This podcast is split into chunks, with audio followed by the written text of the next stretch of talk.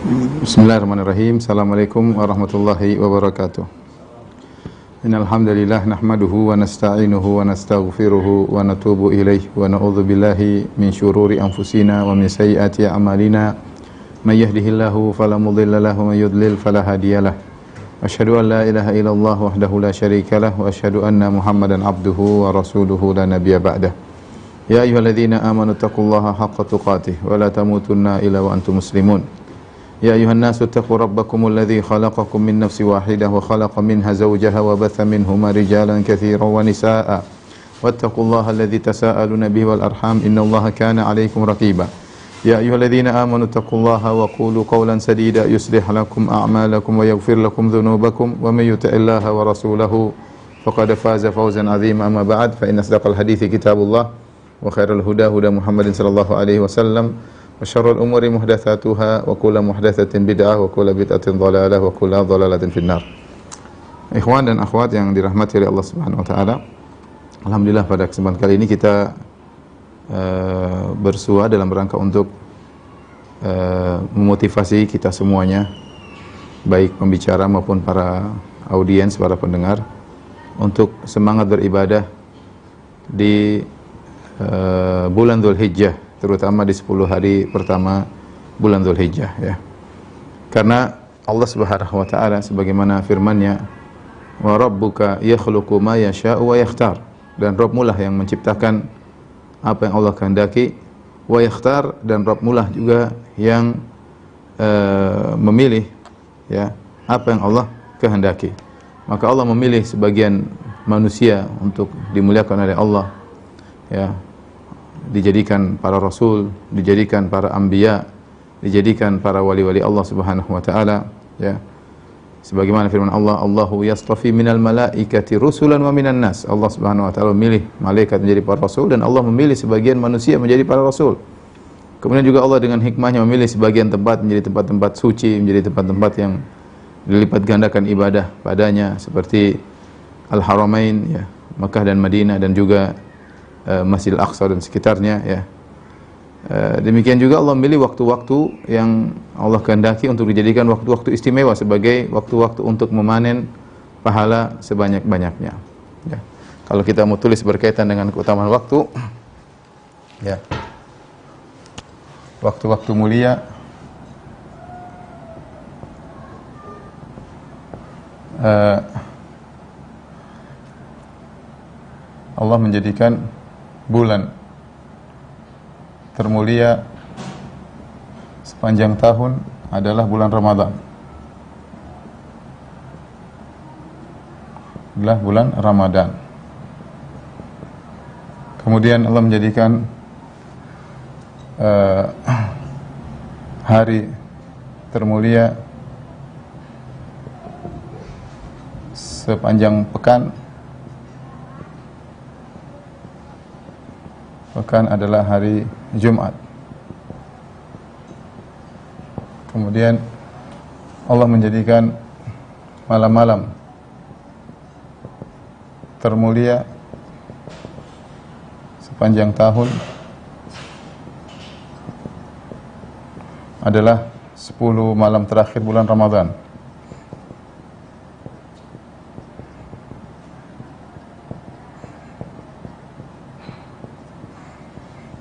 Allah menjadikan siang-siang terbaik. Siang-siang termulia sepanjang tahun adalah 10 hari pertama bulan Dzulhijjah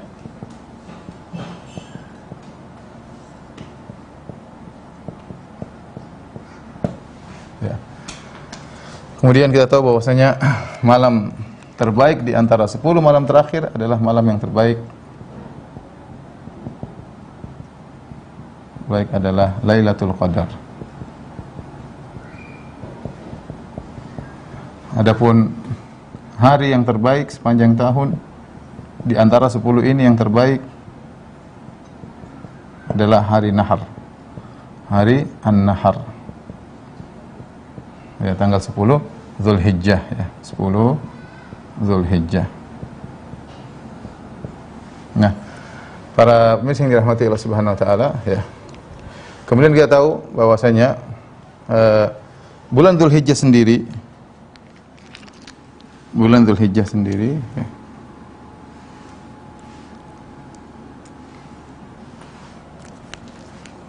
bulan Dzulhijjah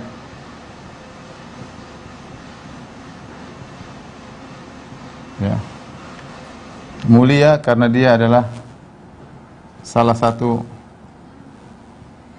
dari Ashurul Hurum, bulan-bulan haram.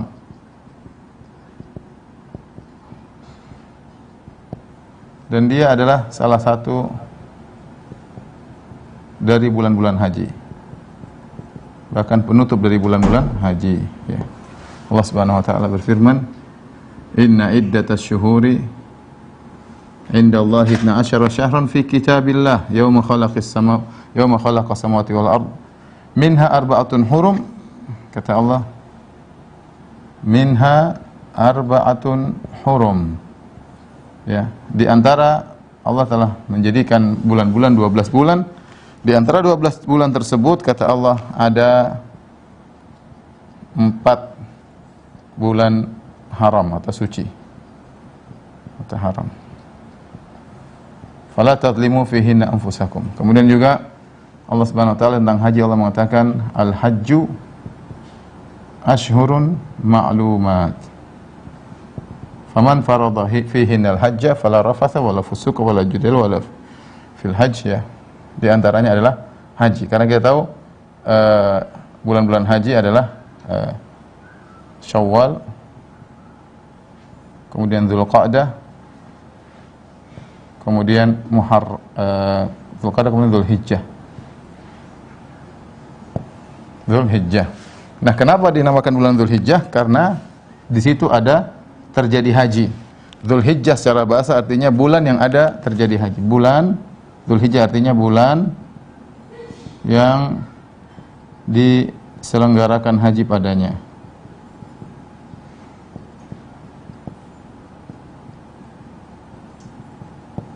Baik. Para pemirsa yang dirahmati Allah Subhanahu wa taala, inilah waktu-waktu yang mulia. Itu ada waktu yang mulia seperti sepertiga malam yang terakhir lebih lagi mulia ya. Malam terbaik Lailatul Qadar ya lebih mulia lagi sepertiga malam yang terakhir. Ini adalah waktu-waktu yang dengan hikmah Allah Allah menjadikan waktu tersebut mulia membuat kita semangat untuk banyak beribadah di eh, waktu-waktu uh, tersebut ya. Sekarang kita berbicara tentang 10 hari pertama bulan Dzulhijjah. Dari sini kita tahu bahwasanya ya 10 hari pertama bulan Dzulhijjah lebih baik daripada 10 hari pertama eh, 10 hari terakhir siang ya. 10 hari siang bulan Dzulhijjah lebih baik daripada 10 siang dari 10 hari terakhir bulan Ramadan siangnya lebih afdal 10 hari pertama bulan Dhul Hijjah lebih afdal daripada siang-siang hari di 10 hari terakhir bulan Ramadhan. Adapun kalau malamnya enggak, malam 10 malam dari 10 hari terakhir bulan Ramadhan lebih afdal daripada 10 malam di 10 hari pertama bulan Dhul Hijjah. Tapi saya akan sebutkan keutamaan 10 Dhul Hijjah dari Al-Quran ya.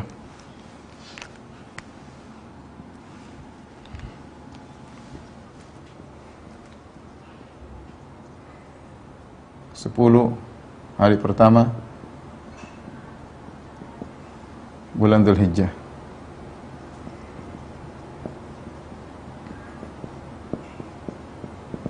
Di antaranya Allah Subhanahu wa taala berfirman ya.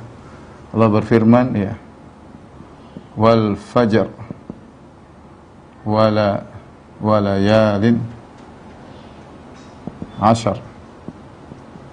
Kata Allah Subhanahu wa taala demi fajar dan demi sepuluh malam. Itu surat Al-Fajr. Jumhur ulama, mayoritas ahli tafsir mengatakan lima sepuluh malam di sini maksudnya adalah sepuluh hari karena orang Arab sering mengungkapkan hari dengan malam. Kadang mereka ungkapkan dengan siang, kadang mereka ungkapkan dengan malam, tapi maksudnya 10 malam sini adalah 10. Ini ada dua khilaf, ada dua pendapat memang. Pendapat mengatakan 10 10 malam yang dimaksud adalah 10 malam terakhir bulan Ramadan dan pendapat jumhur mayoritas ahli tafsir mengatakan 10 malam di sini adalah 10 hari yaitu 10 hari pertama bulan Dzulhijjah. Ini pendapat jumhur ulama. Ini pendapat 10 hari maksudnya 10 hari Dzulhijjah. Ya. 10 hari Dzulhijjah. Saya ulangi, Allah mengungkapkan dengan malam, tapi memang orang sering orang Arab mengungkapkan malam maksudnya hari, siang dan malam. Ya, cuma diungkapkan dengan malam. Jadi maksudnya di sini Allah bersumpah dengan 10 malam atau 10 hari Dzulhijjah. Kemudian juga Allah melanjutkan sumpahnya wal fajar demi fajar wal ayyan asyar demi 10 hari bulan Dzulhijjah. Kemudian kata Allah wasyaf'i wal watar. Ya. Ini juga para salaf menafsirkan wasyafa' demi genap dan demi ganjil. Dan demi ganjil. Kata mereka genap maksudnya adalah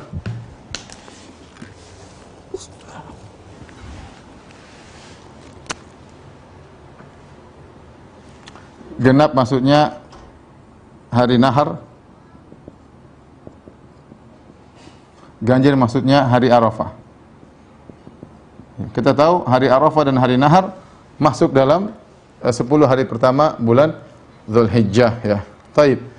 Kemudian di antara dalil yang menunjukkan uh, keutamaan 10 hari Zulhijjah adalah yang ketiga ya. Ada hari Arafah. Hari Arafah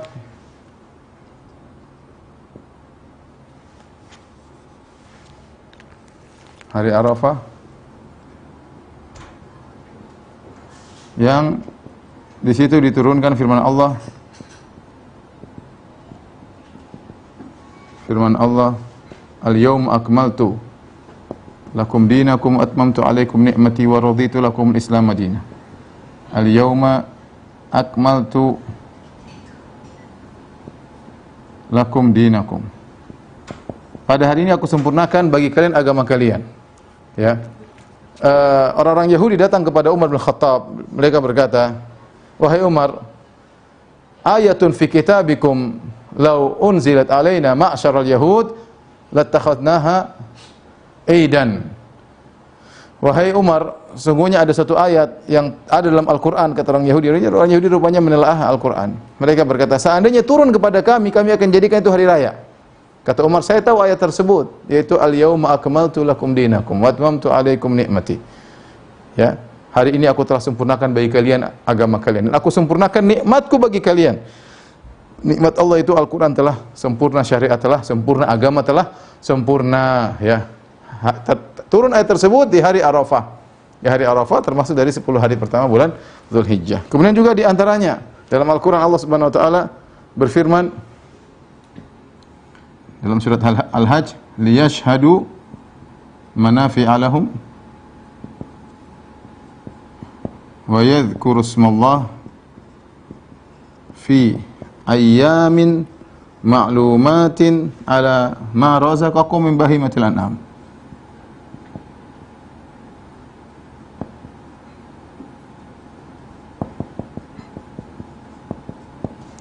Kata Allah Subhanahu wa taala agar mereka menyaksikan bagaimana manfaat-manfaat bagi mereka di musim haji, kemudian di 10 hari pertama bulan Dzulhijjah, wa yadhkuru agar mereka juga menyebut berzikir kepada Allah, yaitu agar mereka berzikir kepada Allah fi ayamin maklumat pada hari-hari yang telah diketahui. Pada Allah menyuruh berzikir pada hari-hari yang telah diketahui Para salaf mengatakan maksudnya adalah maksudnya adalah 10 hari Zulhijjah. 10 hari awal awal Zulhijjah.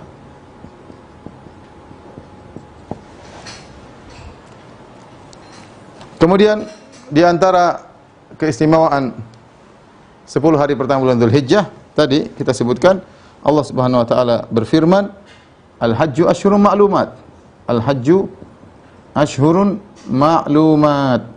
Sudah kita sebutkan tadi, haji adalah bulan-bulan tertentu. Bulan-bulan haji kita sebutkan Syawal, Dzulqa'dah dan Dzulhijjah. Dzulhijjah ini akhir daripada bulan haji bukan bukan bulan Dzulhijjah sepenuhnya, cuma 10 hari aja.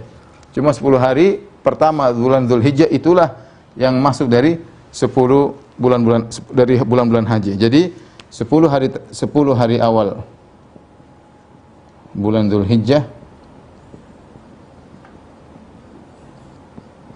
ya adalah penutup penutup bulan-bulan haji. Penutup bulan-bulan haji. Ya, saya ulangi. Kalau kalau bulan kalau bulan haram kan ada empat ya. Saya Bulan haram ada empat. Bulan haram itu apa? Eh, Muharram. Kemudian eh, Rajab. Kemudian Zulqa'dah. Zulhijjah.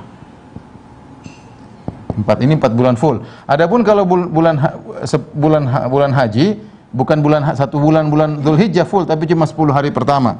Jadi dia adalah penutup dari bulan-bulan haji. Ini di antara dalil-dalil yang menunjukkan keistimewaan uh, 10 hari pertama bulan Zulhijjah. Tapi habis ini kita akan menyebutkan dalil dari hadis. Jadi kita hapus dulu nanti kita butuh pembahasan yang lebih panjang ya. Mm-hmm.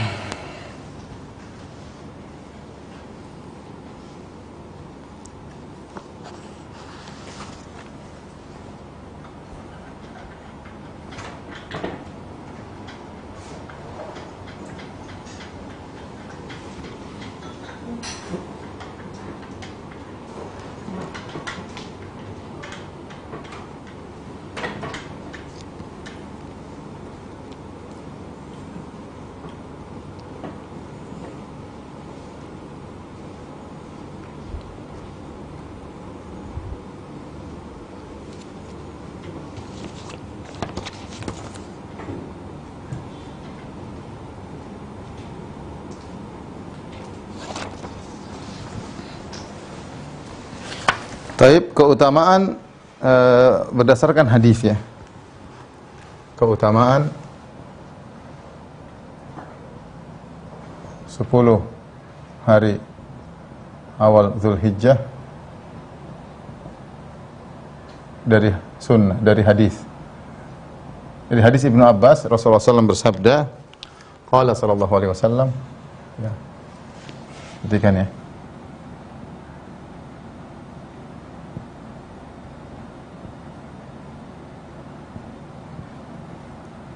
Kata Nabi SAW, Ma min ayyamin al-amalu salihu fihinna ahabbu ila Allah min hadhihi al-ayyam al-ashar. Qalu, para sahabat bertanya, kata Nabi SAW, tidak ada hari-hari yang amal soleh pada hari-hari tersebut lebih dicintai oleh Allah daripada hari-hari 10 pertama bulan Hijjah. Rasul bertanya, "Qalu ya Rasulullah, walal jihad ya Rasulullah." Walal jihad fi sabilillah?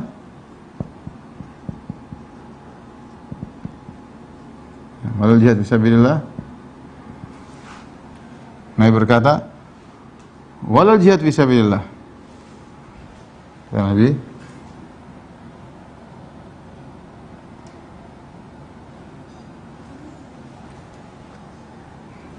Tapi di sini aja. Ya. Nabi. Qal walal jihad fi sabilillah illa rajulun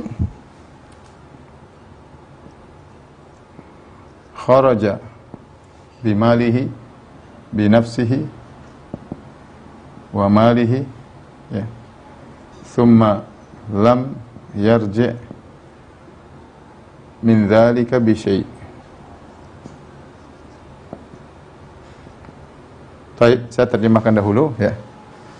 Kata Nabi SAW, tidak ada hari-hari tidak ada hari-hari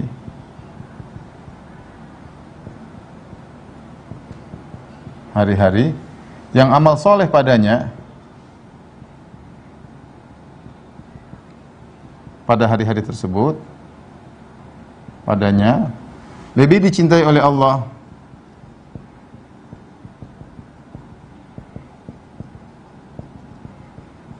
daripada daripada daripada 10 hari awal Zulhijjah. Para sahabat bertanya, sahabat bertanya, Ya Rasulullah, apakah lebih afdal daripada jihad fisabilillah? Apakah lebih bahkan apakah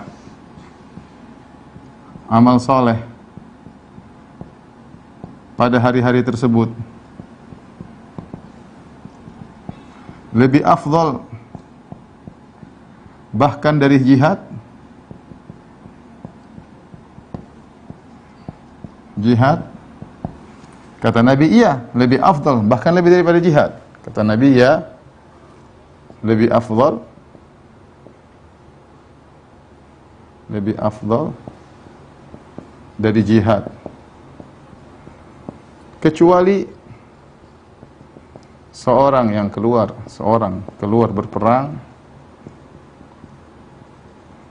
yang membawa jiwa dan hartanya jiwanya dan hartanya lantas tidak ada yang kembali. Dia tidak dia kembali dengan tidak membawa dua-duanya. Lantas dia artinya dia meninggal, dia meninggal dan hartanya dirampas.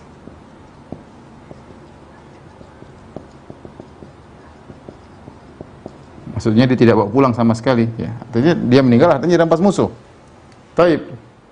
Ini hadis sangat agung ya yang menjelaskan tentang agungnya beramal soleh di 10 hari awal bulan Dhul Hijjah. Ya. Sampai-sampai ketika Nabi mengatakan tidak ada amal yang paling dicintai di 10 hari ini daripada hari-hari yang lain. Sampai para bertanya, Ya Rasulullah apakah lebih afdal daripada jihad? Kata Nabi, iya bahkan lebih daripada jihad. Kecuali jihad tertentu, kata Nabi jihad yang paling tinggi ya yaitu jihad seorang keluar dengan bawa harta dan jiwanya kemudian walam yarji min dzalika bi dia meninggal dan hartanya dirampas. Tapi kita mengambil faedah daripada uh, hadis ini. Yang pertama ini menunjukkan ya jihad adalah ibadah yang sangat agung. Makanya dalam hadis kata Nabi SAW wa zirwatu sanamiha al jihad fisabilillah kata Nabi SAW wa zirwatu sanamihi al jihad fisabilillah itu puncak dari Islam adalah jihad. Taib. Akan tapi di sini juga ternyata jihad bertingkat-tingkat. Namun namun ya, Nabi menjelaskan juga ya. Ternyata jihad bertingkat-tingkat.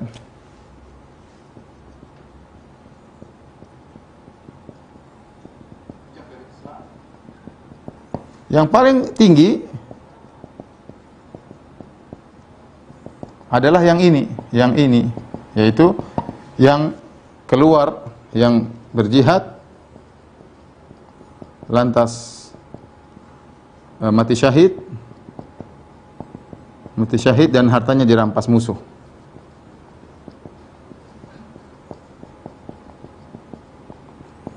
Kata Nabi, nah jihad yang inilah baru yang bisa menyamai atau lebih afdal daripada amal soleh di 10 uh, eh, bulan pertama, 10 hari bulan pertama bulan Dzulhijjah. Adapun jihad yang bukan ini masih di bawah. Subhanallah. Jihad bertingkat-tingkat. Yang bisa mengungguli atau menyamai keutamaan beramal soleh di 10 hari pertama bulan Dhul Hijjah adalah jihad yang ini. Kalau jihad umum belum. Jihad ini yang, yang seorang keluar dengan hartanya dan jiwanya kemudian dia meninggal dan hartanya dirampas oleh musuh. Ya. Dalam riwayat yang lain harta yuhra kedua damuhu sampai darahnya tertumpah. Baik, kita kembali kepada ada sini ya. Kata Nabi, "Ma min ayyam, tidak ada hari-hari yang amal soleh, al amal soleh fihina lebih dicintai oleh Allah Subhanahu wa taala. Lebih dicintai dalam riwayat yang lain ini ahab dalam riwayat yang lain arja arja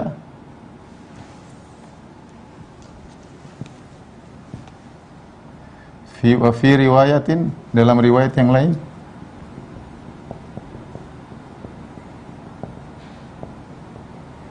itu arja dan azka. Arja maksudnya sangat diharapkan sangat memberi pengharapan. Memberi harapan. Kalau azka maksudnya lebih mulia ya. maksudnya amal soleh pada pada bulan Zulhijjah ada tiga sifat. Pertama, lebih lebih dicintai, ini yang pertama. Yang kedua, ya, sangat memberi harapan. Yang ketiga, sangat mulia. Ya.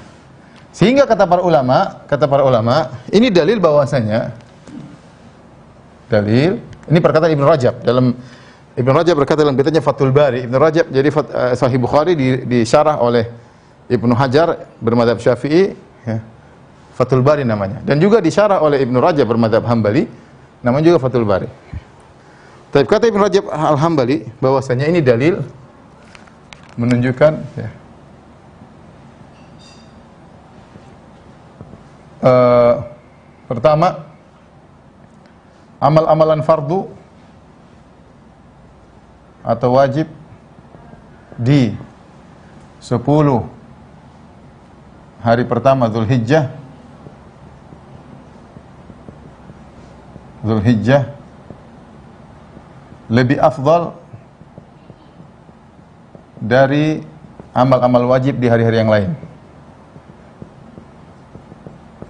Di hari-hari yang lain. Ini yang pertama. Yang kedua, amal-amal sunnah. Amal-amal sunnah di 10 hari Zulhijjah lebih afdal. Afdal dari amal-amal sunnah di hari-hari yang lain. Hari-hari yang lain. Tetapi diingatkan Ibnu Ibnu Rajab tetapi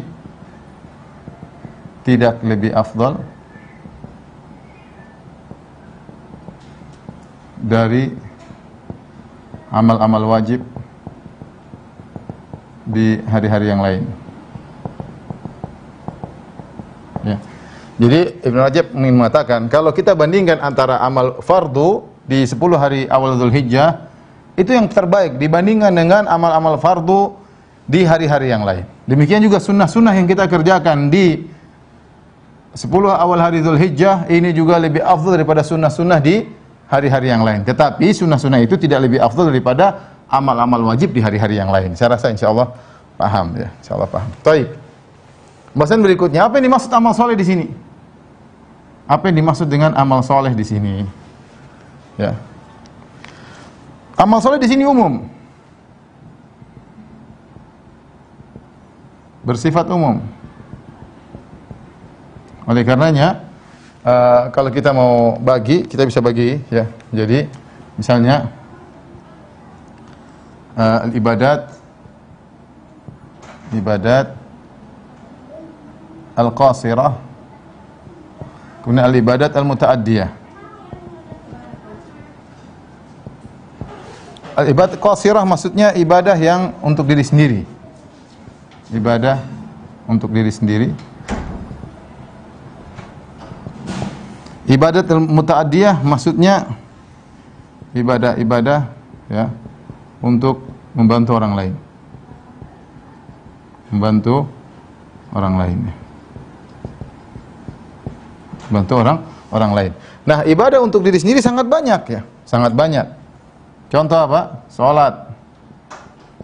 Ya, ini untuk diri sendiri ya benar. Salat. Kemudian misalnya puasa. Misalnya eh, zikir. Misalnya apa? Bertilawah ya.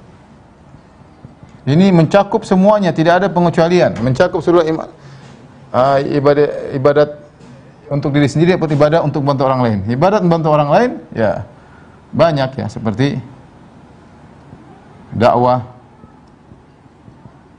kemudian bersedekah, kemudian silaturahmi, berbakti kepada orang tua dan lain-lainnya.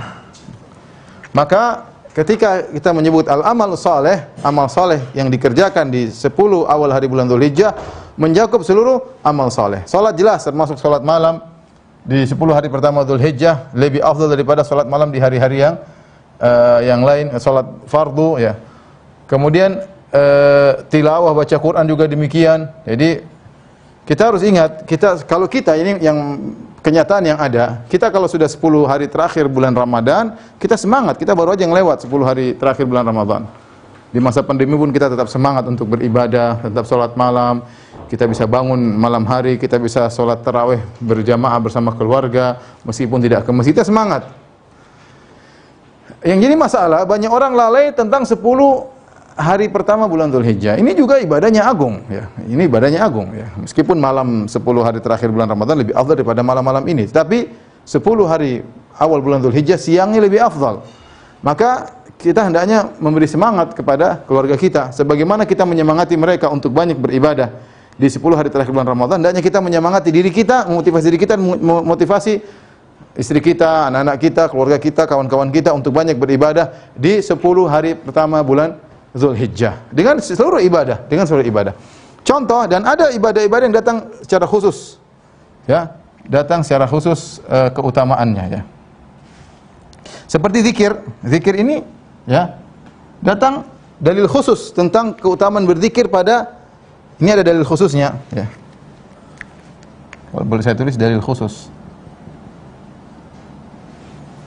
Ya, di antaranya firman Allah Subhanahu wa taala yang sudah saya sebutkan Kata Allah Subhanahu wa taala, "Wa yadhkuru ismallah fi ayyamin ma'lumat." Kata Allah Subhanahu wa taala, "Wa yadhkuru ismallahi fi ayyamin ma'lumat." Agar mereka, artinya agar mereka menyebut nama Allah di ayamun ma'lumat itu di 10 awal Dzul Hijjah.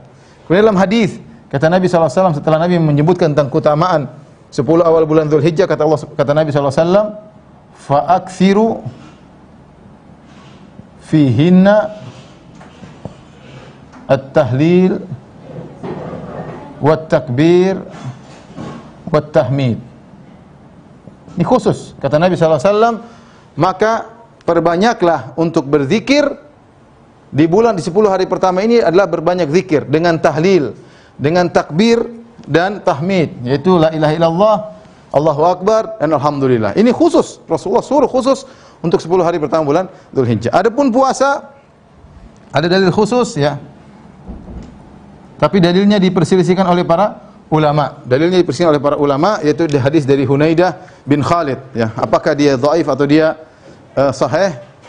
Sebagian ulama mendhaifkan datang dalam banyak riwayat tapi riwayatnya bermasalah semua. Syekh Albani memandang hadisnya hasan atau sahih karena uh, dalam riwayat-riwayatnya bisa saling menguatkan. Sebagian ulama mengatakan hadisnya dhaif. Tapi disebutkan di situ Nabi SAW menyuruh untuk atau Nabi tidak pernah meninggalkan puasa 10 awal Dzulhijjah. Seandainya hadisnya pun dhaif, kita kembali kepada dalil umum bahwasanya boleh kita berpuasa di ini penting ya, boleh kita berpuasa di 9 hari pertama bulan Dzulhijjah. Adapun tanggal 10 tidak boleh berpuasa karena hari lebaran, tanggal 9 ada dalil khususnya puasa Arafah ya. 1 sampai 8 maka boleh. Ya.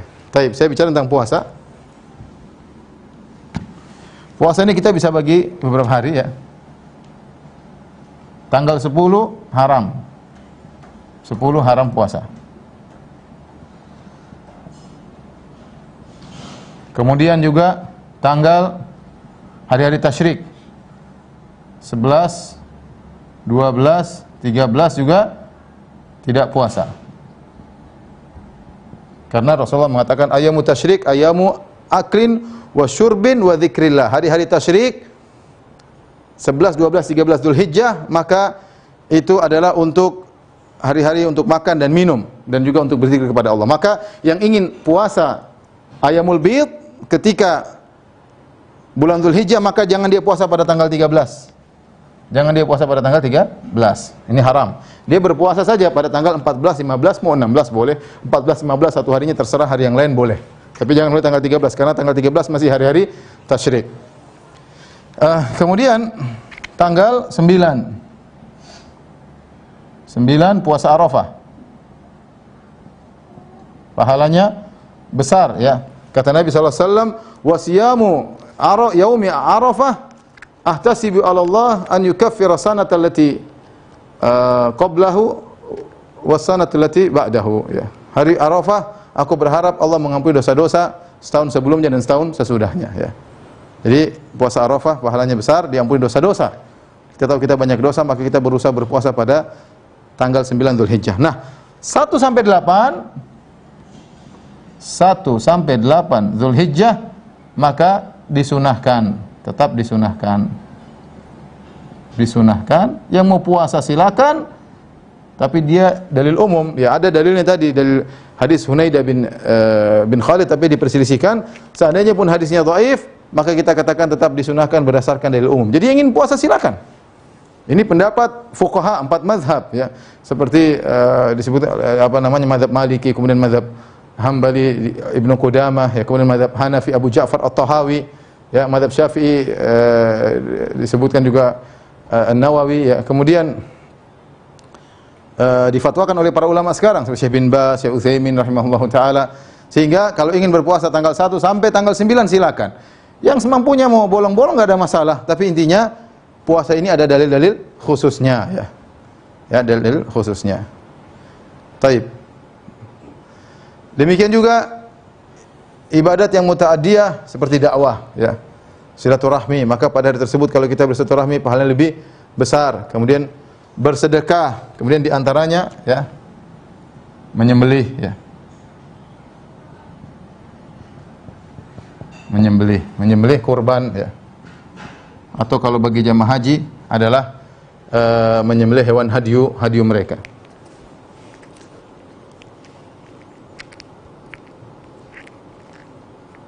Taib.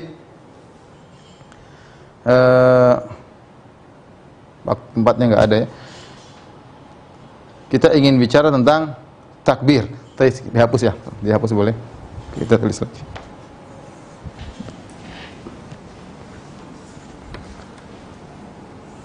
Atau enggak lah biar biar apa? Biar gampang jangan kita di sini aja. Jadi di sini, jangan dulu, jangan dulu. Kita lanjut aja. Kita bicara tentang takbir ya ini. Mudah-mudahan ada tempat ya. Takbir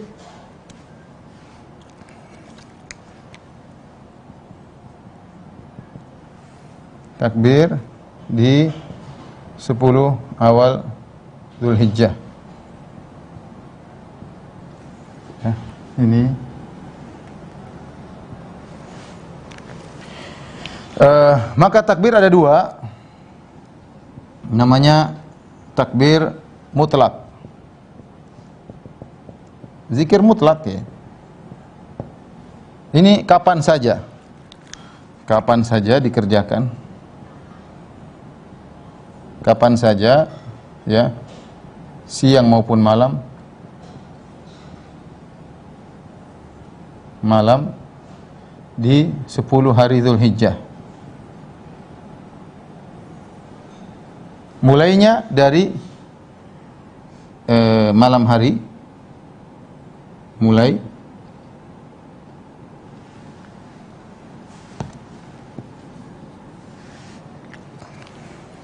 Startnya ya. Start. Kapan? E, ketika ketika muncul hilal bulan Zulhijjah. Zulhijjah ya. Yaitu di malam terakhir itu di malam hari, di malam hari, di malam hari uh, terakhir bulan Zulqa'dah.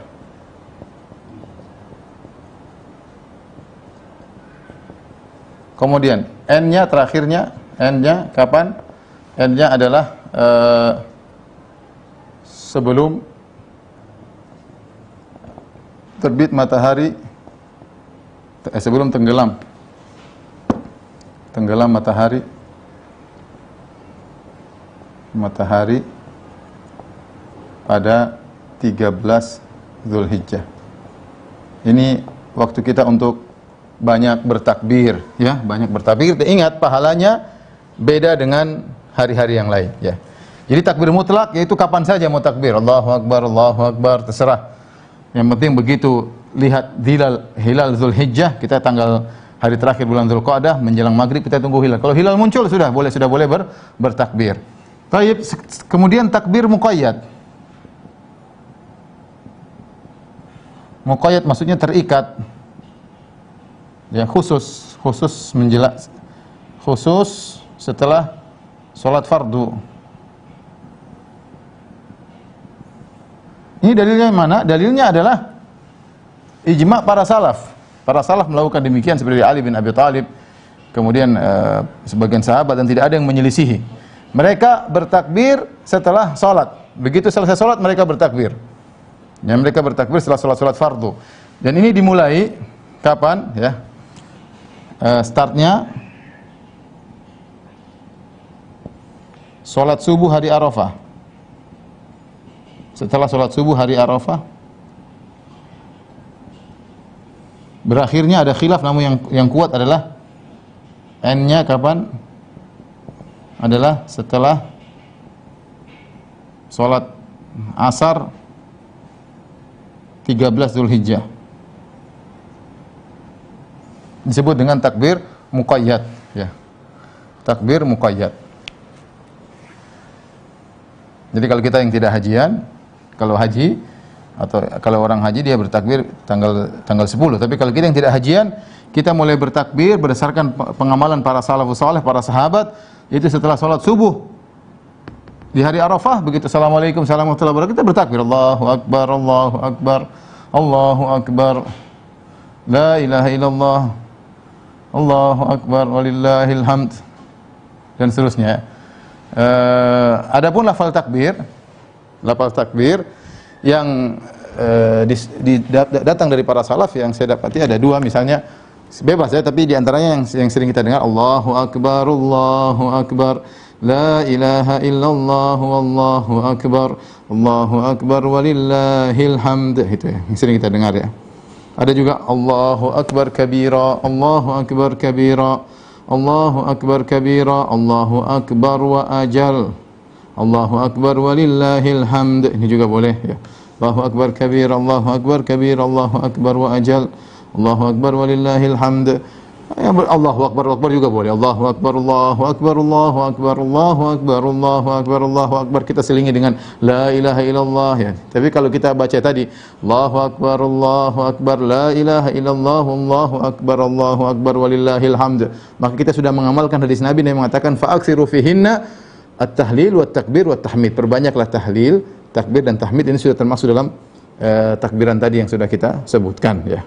Kita uh, yang kita uh, sebutkan tadi ya. Oleh karenanya para salaf dahulu mereka sengaja untuk bertakbir ya. Seperti datang dalam riwayat dalam Imam Bukhari meriwayatkan dengan uh, hadis muallak bahwasanya kharaja Ibnu Umar wa Abu Hurairah ila suq ya yukabbiran. Ibnu Umar dan Abu Hurairah keluar ke pasar buat apa? Buat bertakbir doang. Bertakbir Allahu Akbar Allah dengan suara yang besar. Abu Hurairah dan Ibnu Umar. Wa yukabbirun nas bitakbiri. Maka orang pun ikut bertakbir dengan takbir e, mereka ya. Kemudian juga di zaman para salaf mereka sering e, bertakbir ya. Jadi ini disunnahkan. Baik, saya lupa tadi tentang masalah puasa tanggal 1 sampai tanggal 8 tanggal 1 sampai 8 ini terkadang dipersinggung oleh sering ditanyakan oleh para ikhwan dan akhwat Ustaz boleh nggak kita puasa dari tanggal 1 sampai tanggal 8 tanggal 9 jelas ada hadisnya. Tanggal 10 haram ya. 11 12 3 juga tidak boleh karena hari tasyrik. 1 sampai 8 bagaimana Ustaz? Jadi jawabannya boleh dan puasa itu puasa yang ma'ruf di kalangan salaf ya. Ma'ruf di kalangan salaf. Uh, Abdul Razak dalam musannafnya ya uh, meriwayatkan dari Utsman bin Muhib rahimahullah taala. Beliau berkata Sami'tu Abu Hurairah wa sa'alahu rajulun qal. Saya mendengar Abu Hurairah menjawab ketika ada seorang bertanya kepada Abu Hurairah, "Inna alayya ayyaman min Ramadan." Ya Abu Hurairah, saya punya utang beberapa hari di bulan Ramadan, utang puasa, belum harus saya, harus saya utang puasa. Afa asumul ashra tatawuan? Apakah boleh saya kodoknya nanti saja, tapi saya ingin puasa 10 hari pertama bulan Dzulhijjah. Ini Abu Hurairah ditanya. Afa asumul asyra tatawuan bolehkah saya puasa sunnah 10 hari pertama bulan Dzulhijjah? Maksudnya 10 ini adalah sekedar pendominasian nama, maksudnya tanggal 1 sampai tanggal 9. Ya. Bolehkah saya berpuasa sunnah di situ? Kata Abu Hurairah, "La, tidak." Dia bertanya, "Walima kenapa?" Kata Abu Hurairah, "Ibda bihaqillah." Kau qada dulu. Tsumma tatawwa ba'du ma syi'ta. Setelah itu kau silakan puasa sunnah yang kau kehendaki. Tapi maksud saya, di sini Abu Hurairah ditanya tentang bolehkah saya mendahulukan puasa 10 hari awal bulan Dzulhijjah? Dan Abu Hurairah tidak mengatakan itu bid'ah atau terlarang karena hadisnya ada hadis umum dan ada hadis khusus yang diperselisihkan ya. Kemudian Ibnu Abi Syaibah dalam musannafnya uh, dengan sanad yang sahih dari Ibnu Aun rahimahullah Ibnu Aun berkata Kana Muhammad yasumul ashar. Adalah Muhammad maksudnya Muhammad bin Sirin, seorang tabi'in ya, yang mulia. Beliau berpuasa 10 awal hari bulan Dzulhijjah, maksudnya tanggal 1 sampai tanggal 9. Ya Ashra Dzulhijjah kulliha. Dia kullihi. Dia berpuasa kana Muhammadun yasumul ashra ashra Dzulhijjati kullihi. Adalah Muhammad bin Sirin berpuasa dengan 10 hari awal bulan Hijjah seluruhnya. Maksudnya tanggal 1 sampai tanggal 9 beliau berpuasa uh, seluruhnya. Dan ini berdasarkan keumuman hadis tadi, hadis yang sedang kita uh, kita bahas dan saya katakan tadi dia adalah pendapat banyak ulama mazhab. Di antaranya disebut oleh Al-Asram, muridnya Imam Ahmad bin Hanbal, kemudian Abu Ja'far At-Tahawi, kemudian pendapat Ibnu Hazm Al-Zahiri, kemudian Ibnu Qudamah Al-Hambali, kemudian Nawawi dari mazhab Syafi'i, Muhibbud Muhibbuddin At-Tabari dari mazhab Syafi'i, Ibnu Rajab Al-Hambali, ini juga pendapat Ibnu Hajar Al-Asqalani, ini pendapat Asy-Syaukani, ini pendapat Syekh bin Bas rahimahullah, ini pendapat Ibnu Utsaimin rahimahullahu taala dan ulama-ulama yang yang lainnya yang saya dapati guru-guru kita juga di Madinah rata-rata menyunahkan uh, puasa untuk berpuasa pada tanggal 1 sampai tanggal 9. Yang semudahnya 9 khusus tapi 1 sampai 8 bebas. Yang silakan puasa-puasa yang enggak maka enggak enggak ada enggak ada masalah. Taib, eh, silakan dihapus.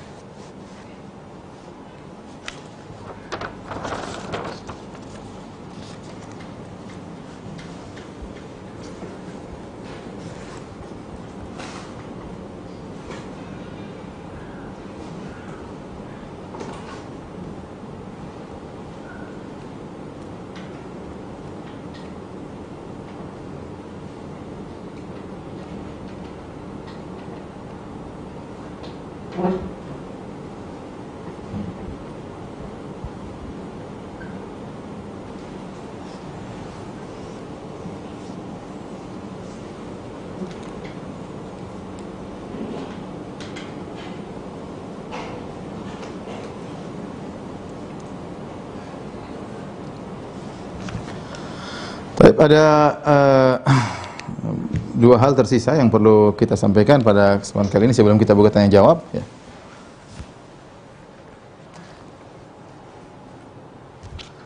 Larangan-larangan.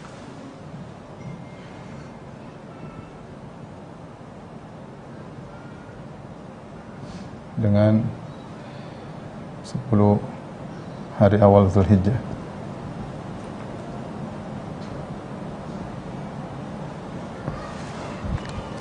Yang pertama adalah uh, jauhi maksiat. Uh, di bulan-bulan haram di antaranya bulan Zulhijjah ya. bukan cuma 10 hari aja ya tapi seluruh bulan Zulhijjah ya seluruh hari Ya, kita sudah sebut dari ayatnya Allah Subhanahu wa taala mengatakan inna iddatash syuhuri indallahi 12 syahran fi kitabillah. Yauma khalaqas samawati wal ard minha arba'atun hurum. Ya, kata Allah Subhanahu wa taala sesungguhnya jumlah bu bulan di sisi Allah adalah 12 bulan. Di antaranya ada empat bulan haram. Kata Allah Subhanahu wa taala minha arba'atun hurum fala tadhlimu fihinna anfusakum. Kata Allah, di antaranya ada empat bulan suci atau bulan haram. Maka janganlah kalian bermaksiat. Janganlah kalian menzalimi diri kalian. Maksudnya jangan bermaksiat. Maksudnya jangan bermaksiat. Ya. Jadi beribadah di bulan-bulan haram pahalanya besar ya. Daripada bulan-bulan biasa, demikian juga maksiat di bulan-bulan haram. Dan kita sekarang di bulan haram ya. Bulan-bulan haram adalah uh, Muharram, Dzulqa'dah, Dzulhijjah, kemudian Muharram, kemudian Rajab ya. Kita kalau kita bermaksiat maka dosanya tidak tidak sama seperti bulan-bulan yang yang lainnya ya. Ya, kata Allah, "Dzalika may yu'azzim sya'airallah fa innahu min taqwal qulub." Orang saya mengagungkan syiar-syiar Allah maka termasuk di takwa. Kalau kita bertakwa, jangan kita bermaksiat di bulan-bulan terutama di 10 hari awal Zulhijjah. Bulan Zulhijjah secara umum tidak tidak boleh kita bermaksiat terutama ya terutama bermaksiat di 10 hari Zulhijjah awal Zulhijjah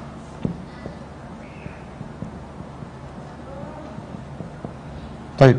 Yang pertama, yang kedua berkaitan larangan berkaitan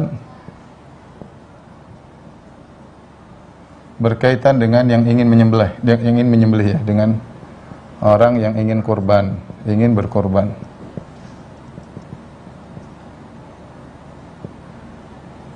Dalam hadis kata Nabi sallallahu alaihi wasallam, "Idza ra'aitum hilala Dzul Hijjah wa arada ahadukum an yudhi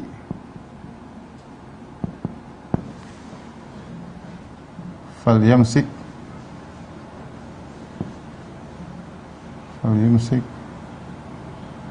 an sya'rihi wa dhufrihi atau adfarihi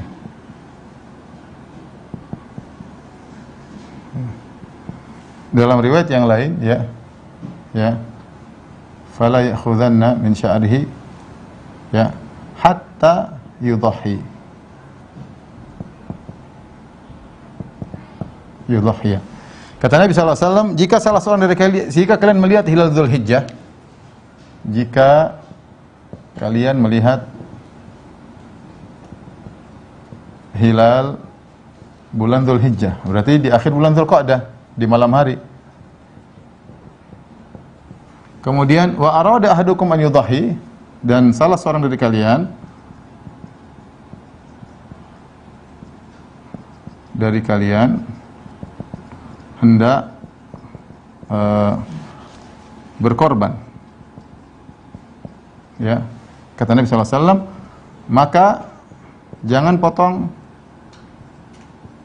jangan cukur rambut, semuanya, cukur rambut, rambut kepala, rambut uh, kumis, rambut dari jenggot, rambut tubuh, rambut kemaluan, semuanya. Ya. Dan kukunya, jangan cukur rambut dan jangan potong kuku. Dalam riwayat sampai dia menyembelih, sampai dia menyembelih. Tapi di sini ada beberapa permasalahan fikih yang ingin kita bahas. Yang pertama, ikhwan, perhatikan di sini. Jadi, aturannya mulai mulai larangan sejak malam hari. Perhatikan ini sejak malam malam hari ya. E, malam pertama bulan Dzulhijjah. Malam pertama hari Zulhijjah. Ya, karena kita tahu bahwasanya uh, hari di bulan Arab dimulai dari malam hari. Ini yang pertama, permasalahan pertama. Permasalahan kedua, uh, dia tidak apa namanya? Dia tidak boleh eh, mencukur rambut, motong kuku tidak boleh, ya. Ini pertama mencakup seluruh rambut, mencakup seluruh rambut ya kepala rambut kepala janggut jenggot ya kumis maluan ya. E, badan semuanya nggak boleh ya, kalau ada punya rambut-rambut yang lain tidak tidak boleh kemudian juga mencakup seluruh kuku ya, kuku kaki, tangan ya. Kaki dan tangan ya. Kemudian eh, eh, yang kedua, hukumnya hukumnya khilaf. Hukumnya apa? Hukumnya. Kalau melanggar maka ada khilaf. Yang benar ada yang mengatakan makruh ada yang mengatakan haram ada yang mengatakan tidak makruh seperti Abu Hanifah. Tapi yang lebih lebih, lebih utama lebih utama kalau melanggar istighfar maka istighfar istighfar namun tidak ada bayar kafarah. Tidak ada bayar kafarah. Dan tidak ada kaitannya dengan tidak ada kaitannya dengan sah tidaknya kaitannya dengan sahnya sembelihan. Tidak ada hubungannya Allah mengatakan berharap dengan apa hikmahnya kita seperti ini? Ada yang mengatakan hikmahnya adalah mengikuti orang yang sedang umrah. Ya. Hikmahnya mengikuti tasyabuh maksudnya, tasyabuh ya. Dengan orang yang umrah atau haji. Ya. berharap dosa-dosa gugur dengan dipotongnya rambut-rambut tersebut dan yang lainnya. Ini yang, yang perlu diperhatikan. Jadi kalau melanggar tidak perlu bayar kafar. Kemudian yang ketiga, Sunnahnya dia tidak motong sampai sembelihnya dipotong. Ya, dia boleh dia baru boleh boleh mencukur rambut kalau sembelihannya sudah dipotong. Sudah dipotong. Taib. Jadi pertanyaan ya. Misalnya seorang tinggal di Papua, Kemudian ternyata dia punya hewan sembelihan di Jakarta, ya. Sementara Papua sholat id lebih dahulu. Sudah selesai sholat id, sembelihannya belum dipotong karena sembelihannya dia taruh di Jawa. Ya. Masih tunggu tiga jam lagi. Apakah dia boleh potong kukunya, cukur rambutnya? Jawabannya tidak. Dia nunggu sampai sembelihannya di, dipotong. Ya. Ini juga terjadi kawan-kawan saya di Arab Saudi. Mereka mengirim uh, apa namanya sembelihan misalnya di negara-negara lain ya atau mereka mengirim sembelihan di Indonesia. Kemudian ternyata di Saudi lebih dahuluan Idul Adha daripada Indonesia. Mereka repot. Mereka masih hari lebaran masih kukunya masih ada, rambutnya mereka belum cukur karena mereka nunggu kambing mereka atau sapi mereka dipotong di Indonesia. Ini terjadi dan ini terjadi. Terjadi. Oleh karenanya uh, kalau orang dikasih berusaha menyembelih ya untuk di awal-awal hari itu lebih baik agar orang yang menyembelih segera bisa potong kuku. Kalau dia punya kalau dia punya kambing banyak, sebagian dia potong di tanggal 10, sebagian tanggal 13, kemudian sudah dipotong tanggal 13 10 ya sudah dia sudah boleh cukur rambut, dia boleh potong potong kuku. Uh, adapun yang, ter, yang masalah ini ya. Adapun jika dia jika dia sedang haji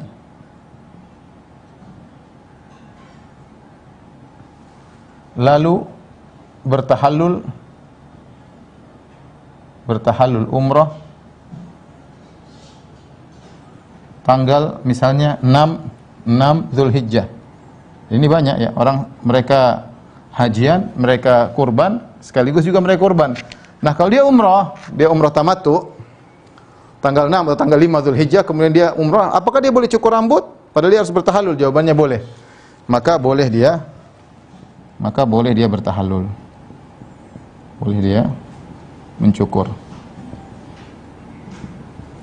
rambutnya. Taib, yang terakhir yang kita bahas. Nabi mengatakan perkara yang ketiga, ya, ini perkara yang kedua tadi, ya. Di perkara yang ketiga sekarang, dan salah seorang dari kalian tidak berkorban, salah seorang dari kalian. Siapa yang dilarang cukur rambut dan cukur kuku, Pertanyaan, siapa yang dilarang?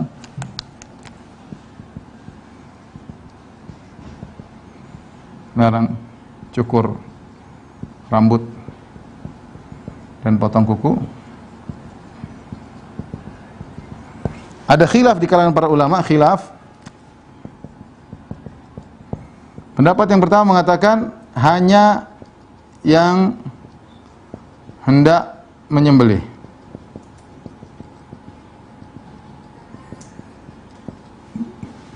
Kalau begitu berarti berarti wakilnya wakilnya tidak dilarang.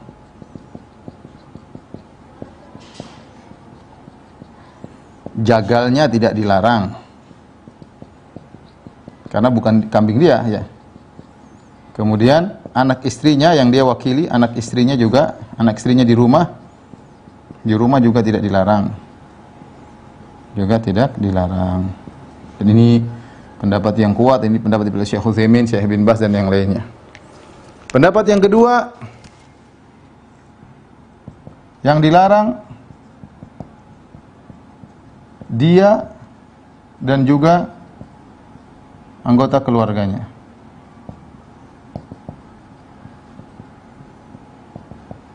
Istri dan anak-anaknya. Karena dia kenapa? Karena karena dia ketika menyembelih adalah untuk dia dan anak dan istrinya. Maka uh, mereka juga dilarang. Dan hikmahnya ya, anak-anak ikut merasakan ibadah korban. Ibadah korban. Istri pun demikian ya. Allah alam bisawab pendapat yang benar pendapat ini yang lebih kuat ya. Bahwasanya yang datang adalah misalnya saya ingin menyembelih uh, saya menyembelih satu rumah satu kambing misalnya ya tentu buat anak saya dan istri saya satu karena sunnahnya satu keluarga satu uh, hewan ya. Maka yang dilarang cuma saya. Adapun anak istri saya nggak ada masalah. Tapi sebagian salaf berpendapat bahwasanya anak istrinya juga supaya mereka merasakan dan bukankah dia menyembeli atas nama anak dan istrinya juga? Ya, karena dia sama-sama men-share pahala, maka mereka juga hendaknya tidak mencukur rambut dan tidak memotong kuku sampai sembelihan di dipotong. Tapi ini saja ikhwan dan akhwat yang dirahmati Allah Subhanahu wa taala yang saya sampaikan pada Sebentar kali ini. Kalau ada yang bertanya saya persilakan. Allah taala alam bisawab.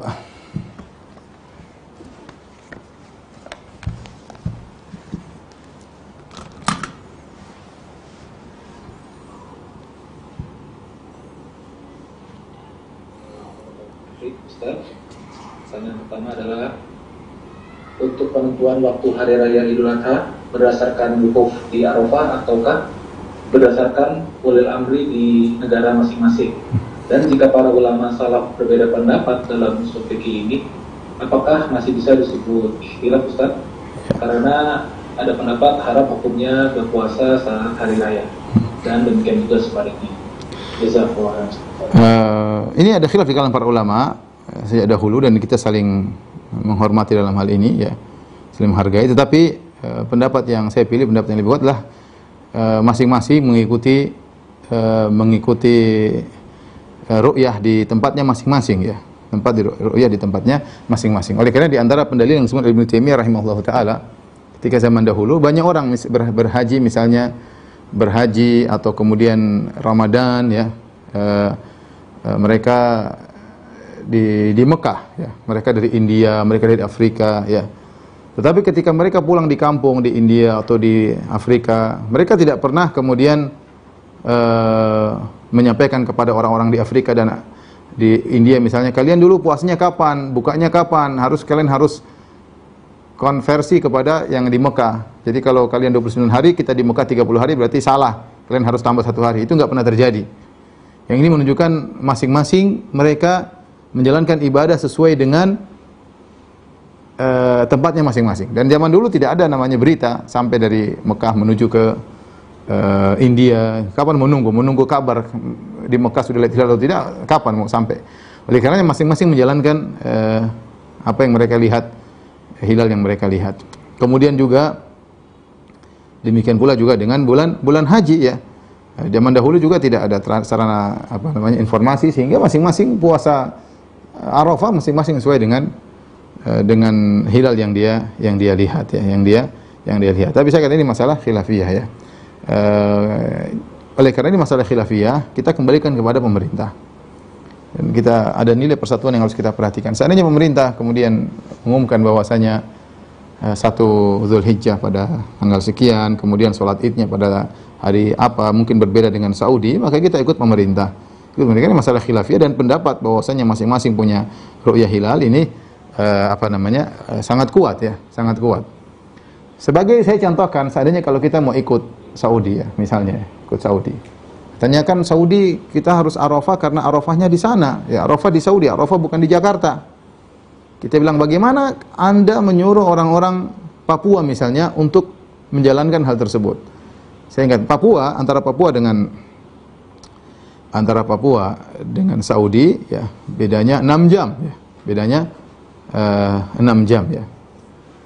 Uh, misalnya atau kita bayangkan ya, apa namanya bedanya bedanya 6 jam. Kalau misalnya Papua harus nunggu Saudi tentu uh, tentu repot ya. Ketika nunggu Saudi kemudian uh, mereka lagi di Arafah ternyata di Papua sudah berbuka puasa. Papua sudah berbuka puasa. Repot ya karena beda 6 jam. Mereka baru mau wukuf pada zuhur, wukuf pada zuhur jam 12. Di Papua sudah sudah berbuka, jadi nggak bisa disinkronkan. Saya ulang ya, orang di Papua tidak bisa sinkron dengan Saudi. Ya, kalau menunggu maksudnya hari Arafah adalah nunggu orang ada harus ada ada wukuf di situ, maka kita harus apa apa namanya harus ngikut yang ada di Saudi.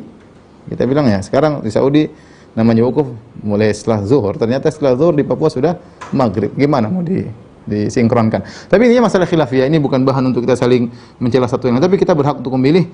Taruhlah saya punya pendapat bahwasanya harus ikut Saudi dan itu juga banyak pendapat ulama ya.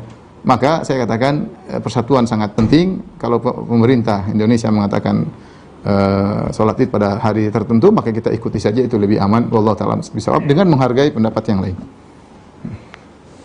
Baik Ustaz, mungkin pertanyaan kedua ya. bisa diberikan ke jamaah yang mengikuti kajian via Zoom.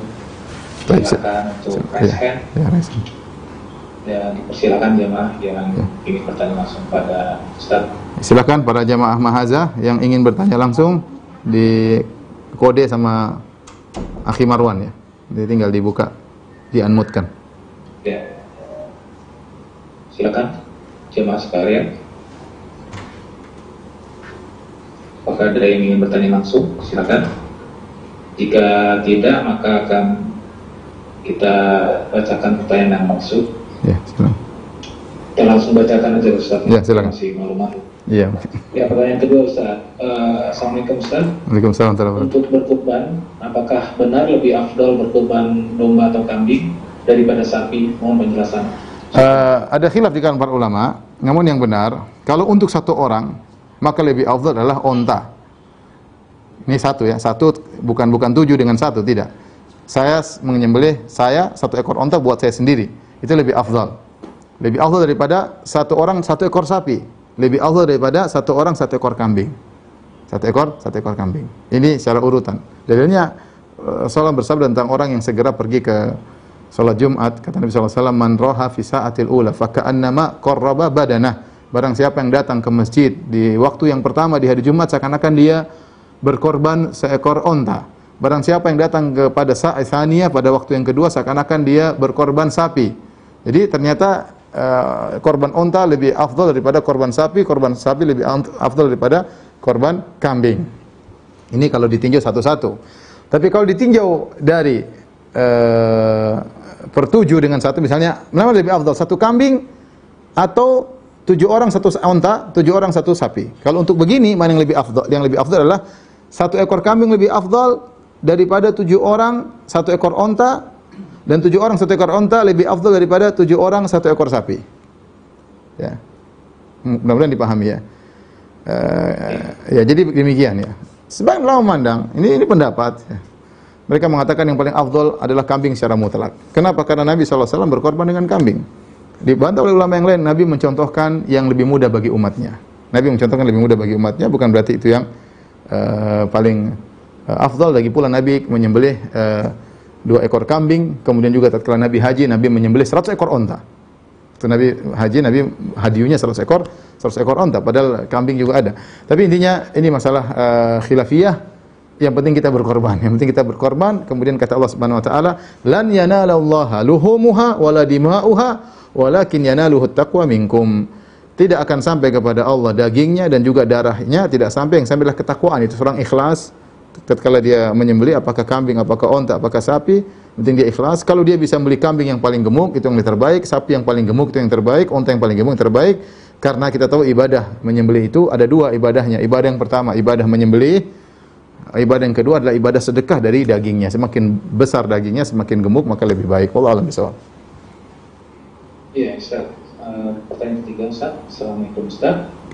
Uh, bagaimana kiat-kiat agar bisa memaksimalkan uh, 10 Zulhijjah di tengah pandemi saat ini, Ustaz?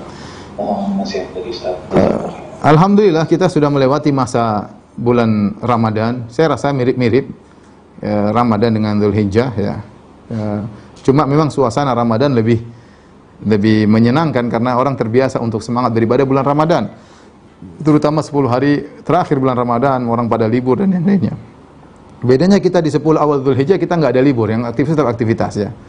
Uh, tapi caranya ya kita ingatkan, kita di keluarga kita bikin sistem gimana sistem agar saling mengingatkan waktu sholat malam sholat malam, waktu sedekah kita suruh sedekah, silaturahmi kunjungi orang tua. Kita bikin kegiatan, sedekah ada sedekah, pokoknya kita berusaha ibadah sana sini ya.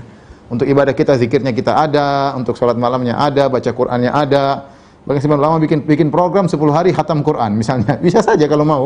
Ya, tapi ya semakin masing-masing orang berbeda-beda. Ada yang punya duit ya berlebihlah daripada sedekah biasanya. Bulan 10 bulan Zulhijjah lebih banyak sedekahnya daripada hari-hari biasa. Jadi e, kerjasama antara kita dengan istri dengan anak-anak agar kita bisa memeriahkan hari tersebut dengan ibadah kepada Allah Subhanahu wa taala. Umur kita semakin berkurang, kemampuan kita beribadah semakin berkurang ya. Eh, dan kalau kita apa namanya ya kita sadar akan hal ini maka tentunya kita akan lebih semangat. Semoga Allah menjadikan kita semua semangat beribadah di 10 hari pertama bulan Dzulhijjah. Amin ya rabbal alamin. Mungkin pertanyaan terakhir Ustaz ya. Ah, boleh, boleh. Uh, ini yang saya tunggu-tunggu dari tadi. antum kurang pengertian kayaknya. Tapi sekarang antum udah pengertian alhamdulillah. Silakan. Ustaz, Assalamualaikum Ustaz. Waalaikumsalam warahmatullahi Ustaz, Ana mau bertanya tentang batas waktu pembagian daging kurban itu apakah dibatasi sampai habisnya hari tasrik atau justru tidak terbatas Ustaz seperti dijadikan semacam uh, makarel serta uh, kaleng makanan hmm. kaleng gitu Ustaz. Uh, uh, dulu Rasulullah SAW melarang menyimpan hewan korban tiga hari tapi sudah mansuh sudah tidak berlaku lagi sebenarnya menyebutkan karena itu musim kelaparan tatkala itu maka harus segera dibagi ya. Tentunya semakin cepat dibagi semakin afdal ya. Yang berkaitan dengan waktu penyembelihan itu yang ada waktunya, ada batas waktunya. Beda dengan waktu pembagian, waktu distribusi. Adapun waktu penyembelihan, maka pendapat yang lebih kuat adalah sebelum terbenam matahari tanggal 13. 13 Zulhijjah itu hari terakhir hari tasyrik sebelum matahari tenggelam kita masih boleh menyembelih. Sebagian berpendapat enggak, tanggal 12. Tapi intinya yang lebih kuat uh, kita masih boleh menyembelih. Inti yang penting sebelum terbenam matahari di tanggal 13 Zulhijjah. Adapun distribusinya, yang penting disunahkan, disunahkan kita bagi tiga. Kata Allah berfirman, wa at'imu minha uh, ba'isal faqir ya. Oh, ya, ya Allah beri, berikanlah kepada orang-orang yang miskin yang susah ya. Qani wal mu'tar dalam ayat yang lain kata Allah berikan kepada uh, orang yang sulit, yang miskin yang minta-minta ya. Jadi kata para ulama bagi tiga, sebagian kita untuk makan sendiri karena sunnahnya kalau kita nyembelih kita makan dari hasil sembilan tersebut, sebagaimana Nabi SAW melakukannya. Kemudian yang kedua kita hadiahkan, hadiahkan kepada tetangga, kepada saudara-saudara kerabat, bahkan kepada non Muslim juga kalau kita mau kasih silakan, nggak ada masalah. Kemudian yang ketiga adalah untuk orang-orang miskin, sepertiganya atau sebagiannya kita berikan kepada orang miskin. Ya. Ya, jadi uh, kalau bisa segera untuk diberikan bagi orang miskin yang terbaik. Tapi kalau ada maslahat yang buat kita harus dijadikan kornet karena banyak orang miskin di tempat yang lain, mungkin di tanah air kita sudah kurang orang miskin atau kita ingin offer ke tempat uh, daerah terjadi misalnya terjadi bencana sehingga kita buat jadikan kornet, kita kirim kepada mereka. Intinya kita ingin sampaikan kepada orang miskin. Segera lebih baik, segera lebih lebih baik. Tapi kalau maslahat menunjukkan bahwasanya di kornet kemudian di atau di Eh, di, di, apa namanya di paket atau yang lainnya maka silahkan saja insya Allah tapi jangan ditunda-tunda demikian uh, apa yang bisa saya sampaikan kurang lebihnya saya mohon maaf yang benar datang dari Allah Subhanahu Wa Taala salah pribadi saya sendiri semoga Allah mengampuni kita semua kepada para jamaah majelis ta'lim mahaza uh, sampai di sini kajian kita insya Allah kita bersua di kesempatan yang lain. Demikian wabillahi taufik wal hidayah. Assalamualaikum warahmatullahi wabarakatuh. Demikian kajian via Zoom kita hari ini. Kalau kita